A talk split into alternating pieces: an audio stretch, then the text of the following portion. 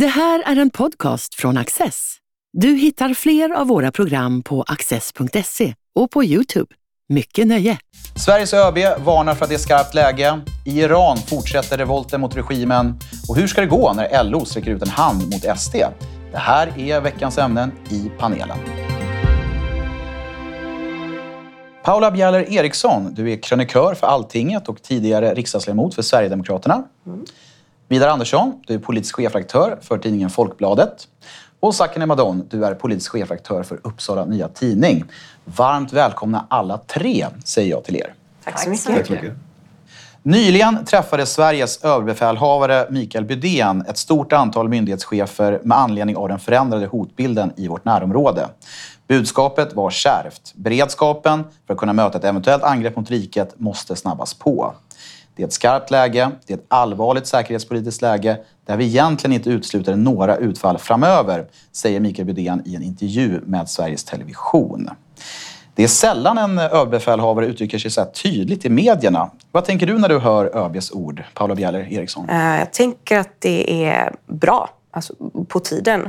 Eh, det har ju varit uppenbart under lång tid både vartåt det barkar med säkerhetsläget och att vi har en ganska svag krisberedskap vad gäller uppdatering och samordning och att olika myndigheter ska samverka med varandra. Det har ju märkts i skarpa lägen historiskt. Eh, eh, jag själv var involverad i bränderna 2018 och kunde se just på plats hur man där och då live tvingades lösa Eh, problem med att man inte har samövat mellan länsstyrelser och Försvarsmakten och olika räddningstjänster.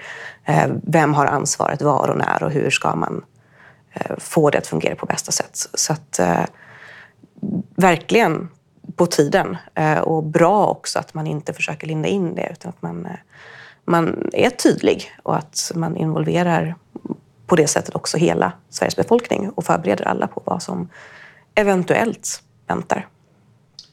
Vidar Andersson? Ja, det ligger väl i sakens natur så att, säga, att, vi, att vi är väldigt dåliga på krig och, och beredskap. Vi har övat alldeles för sällan, vilket vi ska vara glada för. Så det här är ju, eh, jämfört med alla alternativ, så, så, så är det här eh, ett, ett bra läge, i varje fall för tidigare generationer som har bott och, och levt där i fred och, och välstånd. Och sen nu, eh, jag har väldigt stort förtroende för överbefälhavaren mm. och ger ett ja, stabilt och tryggt intryck. Och jag håller med Paula att, eh, att det är bra att han är väldigt tydlig och att eh, man samlar ihop och tar befälet. Liksom. Och inte är som vilken myndighet som helst utan faktiskt eh, säger jag tar befälet. Beredskapen eh, ska skärpas. Så jag, jag tror det är bra jag hoppas man håller den linjen och att det når ut till, till medborgarna. Ja, eh, för det var, ju, det var ju några år sedan nu som ÖB gick ut och sa att ja, men alla svenskar bör klara sig under en vecka. Eh, och det där tror jag inte alla var helt eh, beredda på. Sen har vi haft pandemin. Eh, då visade det ju sig att Sverige, till skillnad från till exempel Finland, hade ju problem med beredskapslagren. Eh, så att de här väckarklockorna har ju varit ganska många. Och jag håller ju med om att det är ju jätte, jättebra att eh, faktiskt ruska om just myndighets-Sverige. För att i krig så är det ju det är ju inte bara bomber och granater och eh, anfallskrig utan det handlar ju också väldigt mycket om att hålla hela samhället igång. Skolor, sjukvård, transporter och så vidare. Sen är det ju också ganska... Alltså, några troliga scenarion är ju... Alltså även om vi inte blir direkt anfallna som Ukraina har blivit så är det ju liksom vår infrastruktur när det kommer till energi eh, och IT är ju absolut mål som skulle kunna drabbas. Så att eh, där gör han ju verkligen rätt i att...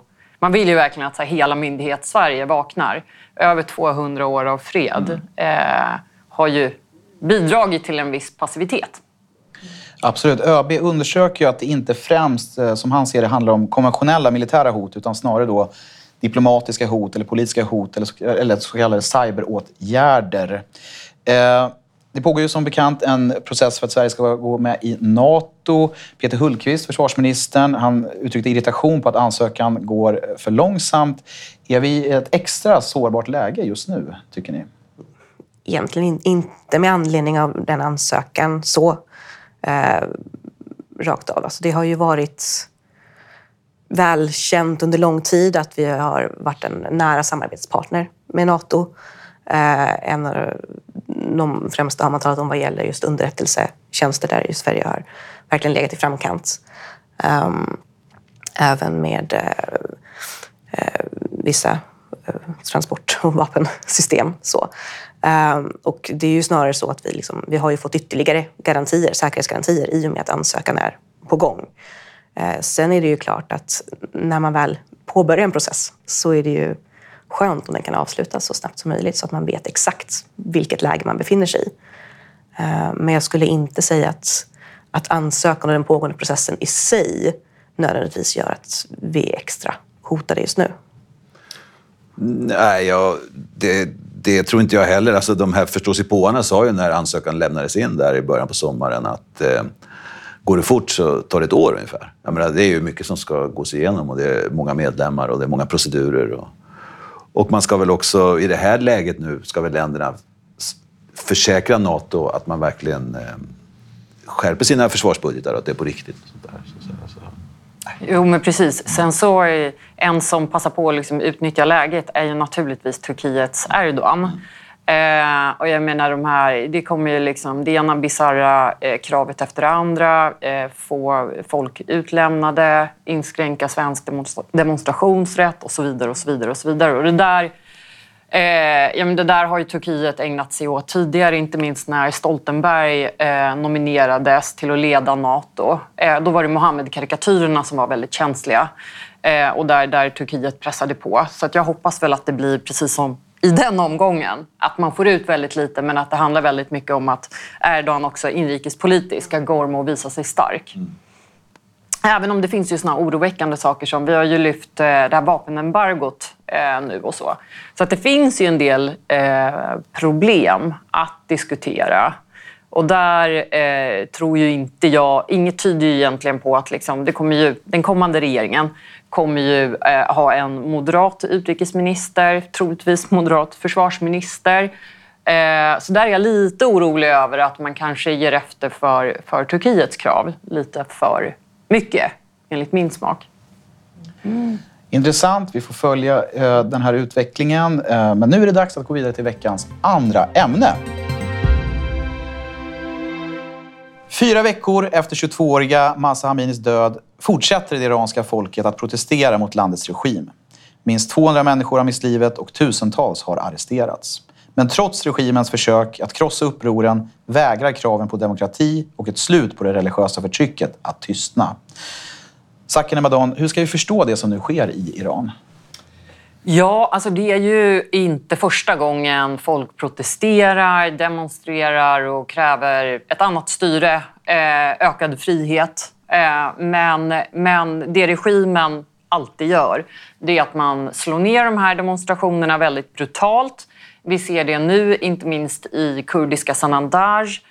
Ehm, och, och, man släcker ner nätet för att all information inte ska nå ut och så vidare. Men det här är ju en väldigt brutal regim. Ehm, jag menar, Amnesty brukar uppmärksamma de här eh, avrättningarna av unga. Ehm, och, och de är också de som blir eh, avrättade är också i liksom, oproportionerligt stor grad eh, tillhörande just de här minoriteterna som kurder, belucher och så vidare. Så det finns många olika sådana dimensioner. Eh, men, men sen är det ju självklart så, det är ju det islamistiska diktaturer är väldigt kända för.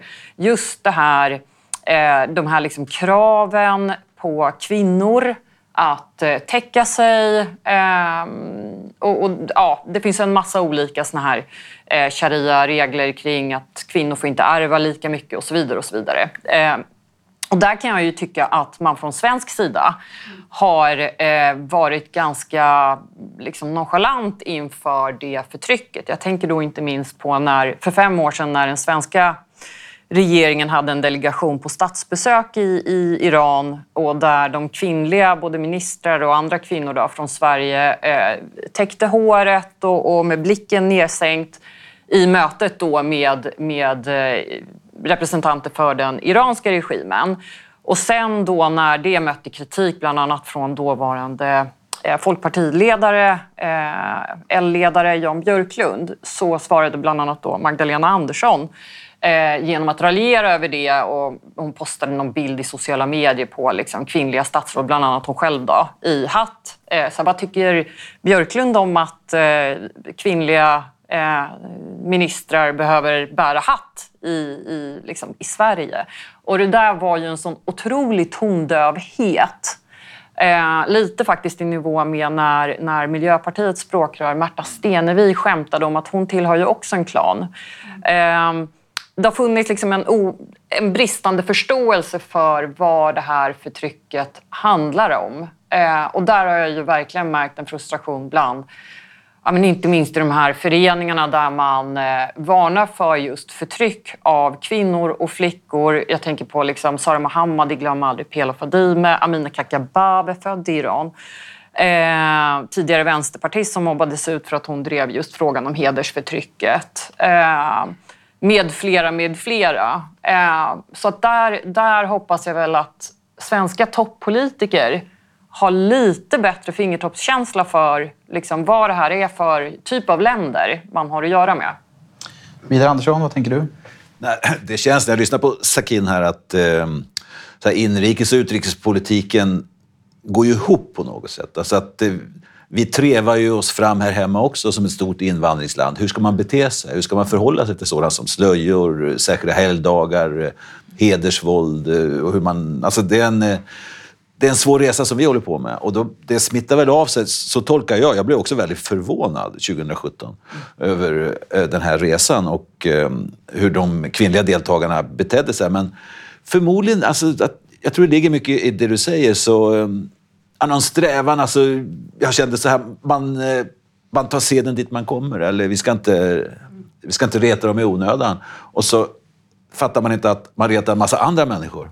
Fast det är ju inte riktigt bara det. För nej, nej. Jag tänker på det här raljerandet i efterhand. Ja, för hade man bara sagt mm. så här, ja men tyvärr, men det här behövs för svensk mm. handel eller liksom, ja, ja, eh, vi går naturligtvis inte, eller vi hade mm. inget val där och då eller så. Då tror jag förståelsen hade varit lite större. Mm. Men det här med att raljera och relativisera då med så här, vanliga prydnadshattar, mm, mm. det, det, var väl där ja. eh, nerven låg. Ja. Som fortfarande pågår. Alltså, det, det, såg vi i samband med riksdagens öppnande när Julia Kronlid eh, hade folkdräkt på sig med liksom, mm. svensk slöja kopplat till den folkdräkten. Så raljerades det ju från eh, mm. fortfarande minister ja. i eh, övergångsregeringen eh, om det. Så det, det, finns ju kvar. Mm. Jo, precis. Och det, eh, alltså det går ju... Precis, det här, det här har ju liksom det har ju att göra med hur Sverige också har hanterat inrikespolitiska mm. frågor. Jag menar, Eller hur? vi stänger ihop på något sätt. Ja, jag, jag har ju bevakat kommuner och, och mm. på senare år har ju frågan om såna här könsseparata badtider oh, ja. mm. eh, varit uppe. Och då är det ju tyvärr de rödgröna partierna som mm. Eh, inte riktigt har förstått vad det handlar om. Trots att de som har argumenterat för de här tiderna har gjort det just med hänvisning till religion och kultur. Att barn från 4, 5, 6 års ålder måste eh, liksom särskiljas, mm. pojkar och flickor. Eh, så att det, den gångna mandatperioden och mandatperioden innan dess ännu värre under mm. SMP-regeringen där Miljöpartiet var nära att ta in en, en person i partistyrelsen som mm. inte ens kan liksom, ta kvinnor i hand. Mm. Eh, så hoppas jag i alla fall att man har, man har, liksom, ja, man är, man har lite bättre koll på de här mm. sakerna. Men det går ju även alltså, inte bara kring hur man sköter eh, Ehm, skolor och separatider, men även liksom bidrag som går till religiösa församlingar, eh, moskéer som i princip är sponsrade av regimer. Eh, den största shia-moskén i Norden eh, har ju kopplingar till Iran eh, och ligger i Järfälla ehm, och får bidrag för religiös Precis. verksamhet. Och där, där vi inledde ju med att prata om det här med, med krig och sådär. Mm. Det finns ju faktiskt ganska många människor i Sverige som har flytt från krigsdrabbade, mm. konfliktdrabbade länder. Och då blir det ju väldigt paradoxalt när man känner att den svenska, alltså svenska myndigheter och, och svenska kommuner och så vidare pytsar ut bidrag till de som kanske representerar då idéerna man försökte fly ifrån. Mm.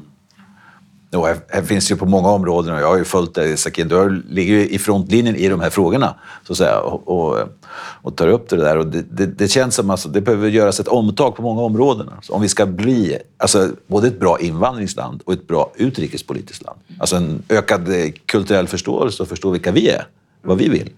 Och vad det innebär att flytta hit vad det innebär att röra sig i andra länder. Så det, jag, jag känner det på många områden. Alltså. Det finns stora reformbehov. Vi behöver rusta oss för liksom nutiden till att börja med. Mm. Jag, tycker jag, har, jag märkte det under mina år, både när jag var jämställdhetspolitisk talesperson mm. för Sverigedemokraterna och sedan migrationspolitisk talesperson.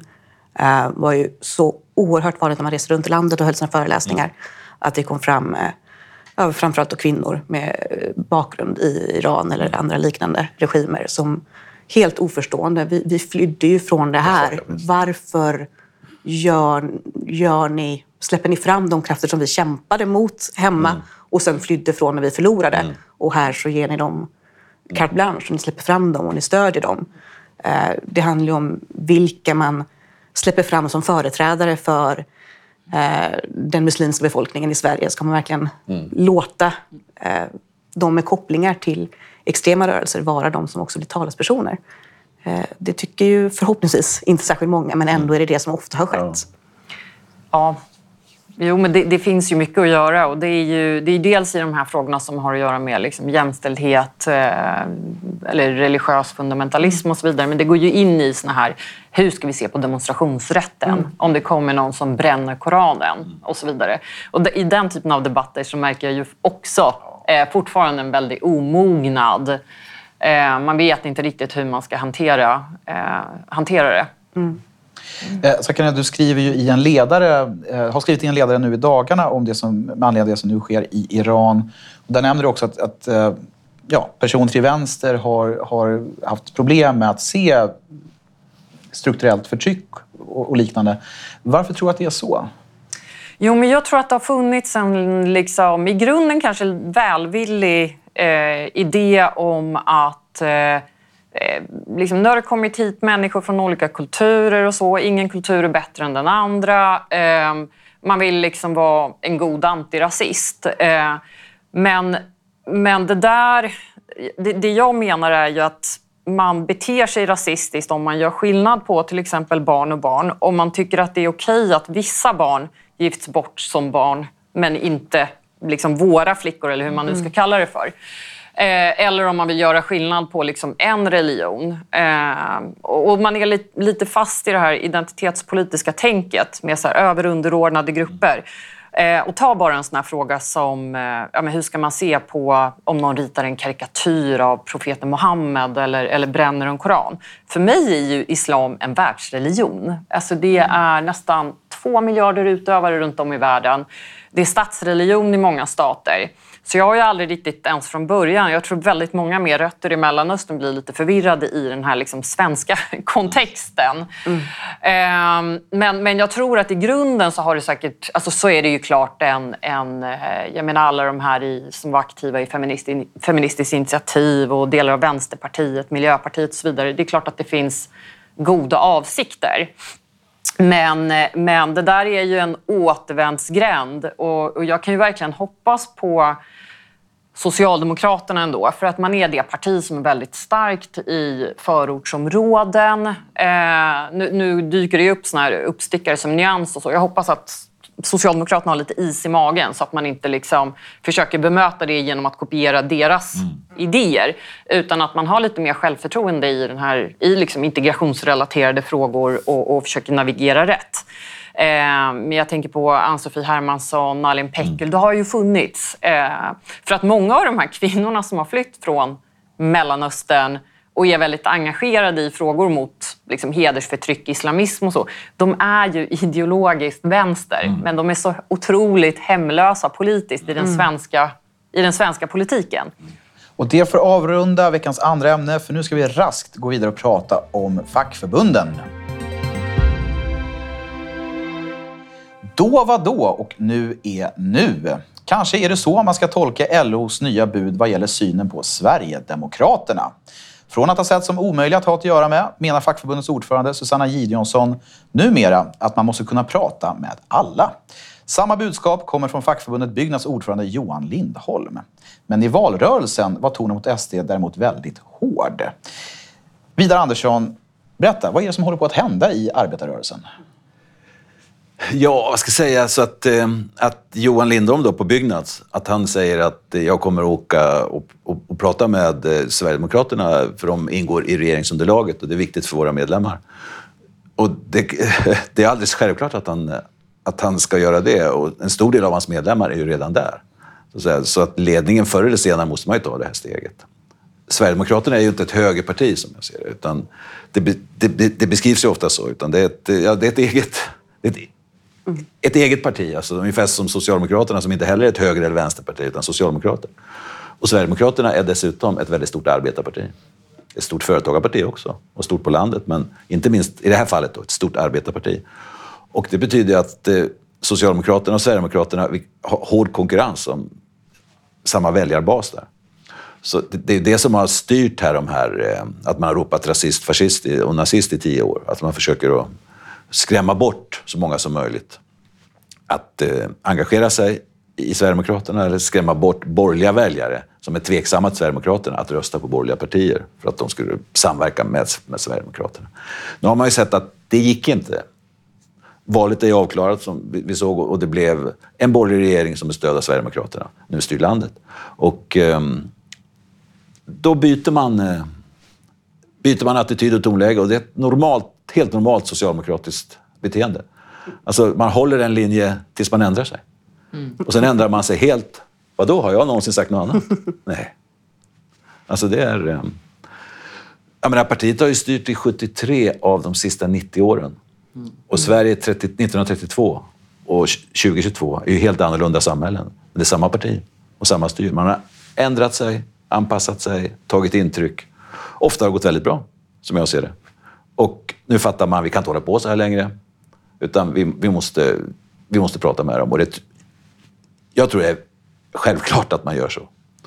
Alltså man, man, måste, man måste kunna prata med alla och personligen tycker jag också det är väldigt, väldigt viktigt att LO skärper sig. Jag tycker man har flummat, flummat till sig väldigt många frågor under de här åren som har gått. Inte bara SD utan eh, ja, syn på, på kunskap i skolan, mm. syn på yrkesarbetare, syn på utbildningen här. Så att, säga, att det ska vara fult att utbilda sig till arbetare utan högskolepoäng och sådana saker. Så, och hela den här grejen med SD. Så jag är väldigt positiv till det här. Paula Bjaller Eriksson, är du också positiv? Ja, nej, men det är klart att det är. Sen kunde jag inte låta bli att småle heller när det var just Byggnads som var väl först ute eftersom eh, nya ordföranden i arbetsmarknadsutskottet, Magnus Persson, han är ju byggarbetare själv, han har varit skyddsombud och han har väl också blivit utesluten från ja. Byggnads just på grund av att han är sverigedemokrat. Så hade de eh, sympatierna och, och senare engagemang och har ju också drivit på just väldigt mycket i den här frågan att det är helt orimligt hur ni behandlar Sverigedemokraterna. Att ni stänger oss ute. Vi är många arbetare i grunden. Um, och uh, har på många sätt tagit över de liksom, hållpunkter som man tycker att fackförbunden borde ha. Eh, det fokus som fackförbunden borde ha, det vill säga arbetarnas villkor och väl och ve, eh, snarare än partipolitiskt spel. Um, sen är det ju, jag menar det är ju förståeligt på ett sätt. Socialdemokraterna är ju trots allt bildat av ja, ja, fackrörelsen. Så det är klart att det finns och kommer finnas kvar band. Um, och att de är svåra att förändra när spelplanen mm. förändras. Men det är väl väldigt positivt att man inser eh, att en, en, stor del av de medlemmar man har och de arbetare som kanske borde vara medlemmar men har valt att inte vara eller inte självmant har kastats ut eh, finns hos Sveriges just nu andra största parti. Och då bör man också samtala med det partiet. Det finns ju en särskild relation mellan LO och Socialdemokraterna, inte minst ekonomiskt. Vad tror ni kommer hända med den relationen på sikt? Nej, men jag tror att allt tyder på att svensk inter, alltså inrikespolitik har lämnat den här idén som byggde upp decemberöverenskommelsen, senare januariavtalet.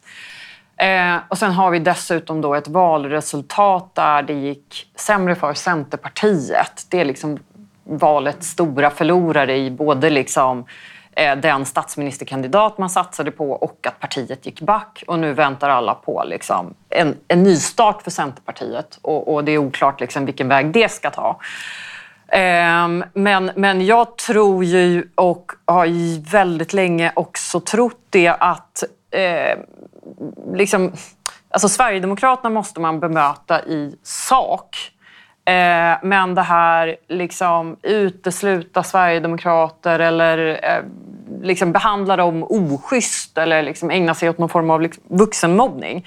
Det har ju varit kontraproduktivt förutom att det är Alltså jag är helt övertygad om att många väljare, eh, jag undrar om inte du Paula Bieler också har sagt det i mm. något sammanhang om att du blev engagerad för att du tyckte SD blev oschysst eh, behandlat i medier eller någonting sånt där. Ja, det var det som ja. fick mig att mm. titta på partiet närmare. Sen var det inte det som väckte Nej. engagemanget men det ja. gjorde liksom att vad är det här för parti? Jag måste lära Precis, liksom. och för att förstå då de här missnöjda arbetarna eller vilken grupp det än är. Jag menar, det är ett väldigt stort parti nu bland till och med eh, utomeuropeiska ja. eh, väljare. Så att, eh, jag tror att måste, för att förstå varför SD har vuxit helt Liksom, det, det, är ju en helt eh, alltså speciell situation att ett parti har vuxit efter val efter val på det sättet som ja, SD har gjort. Då måste man lägga örat mot marken och, och höra efter.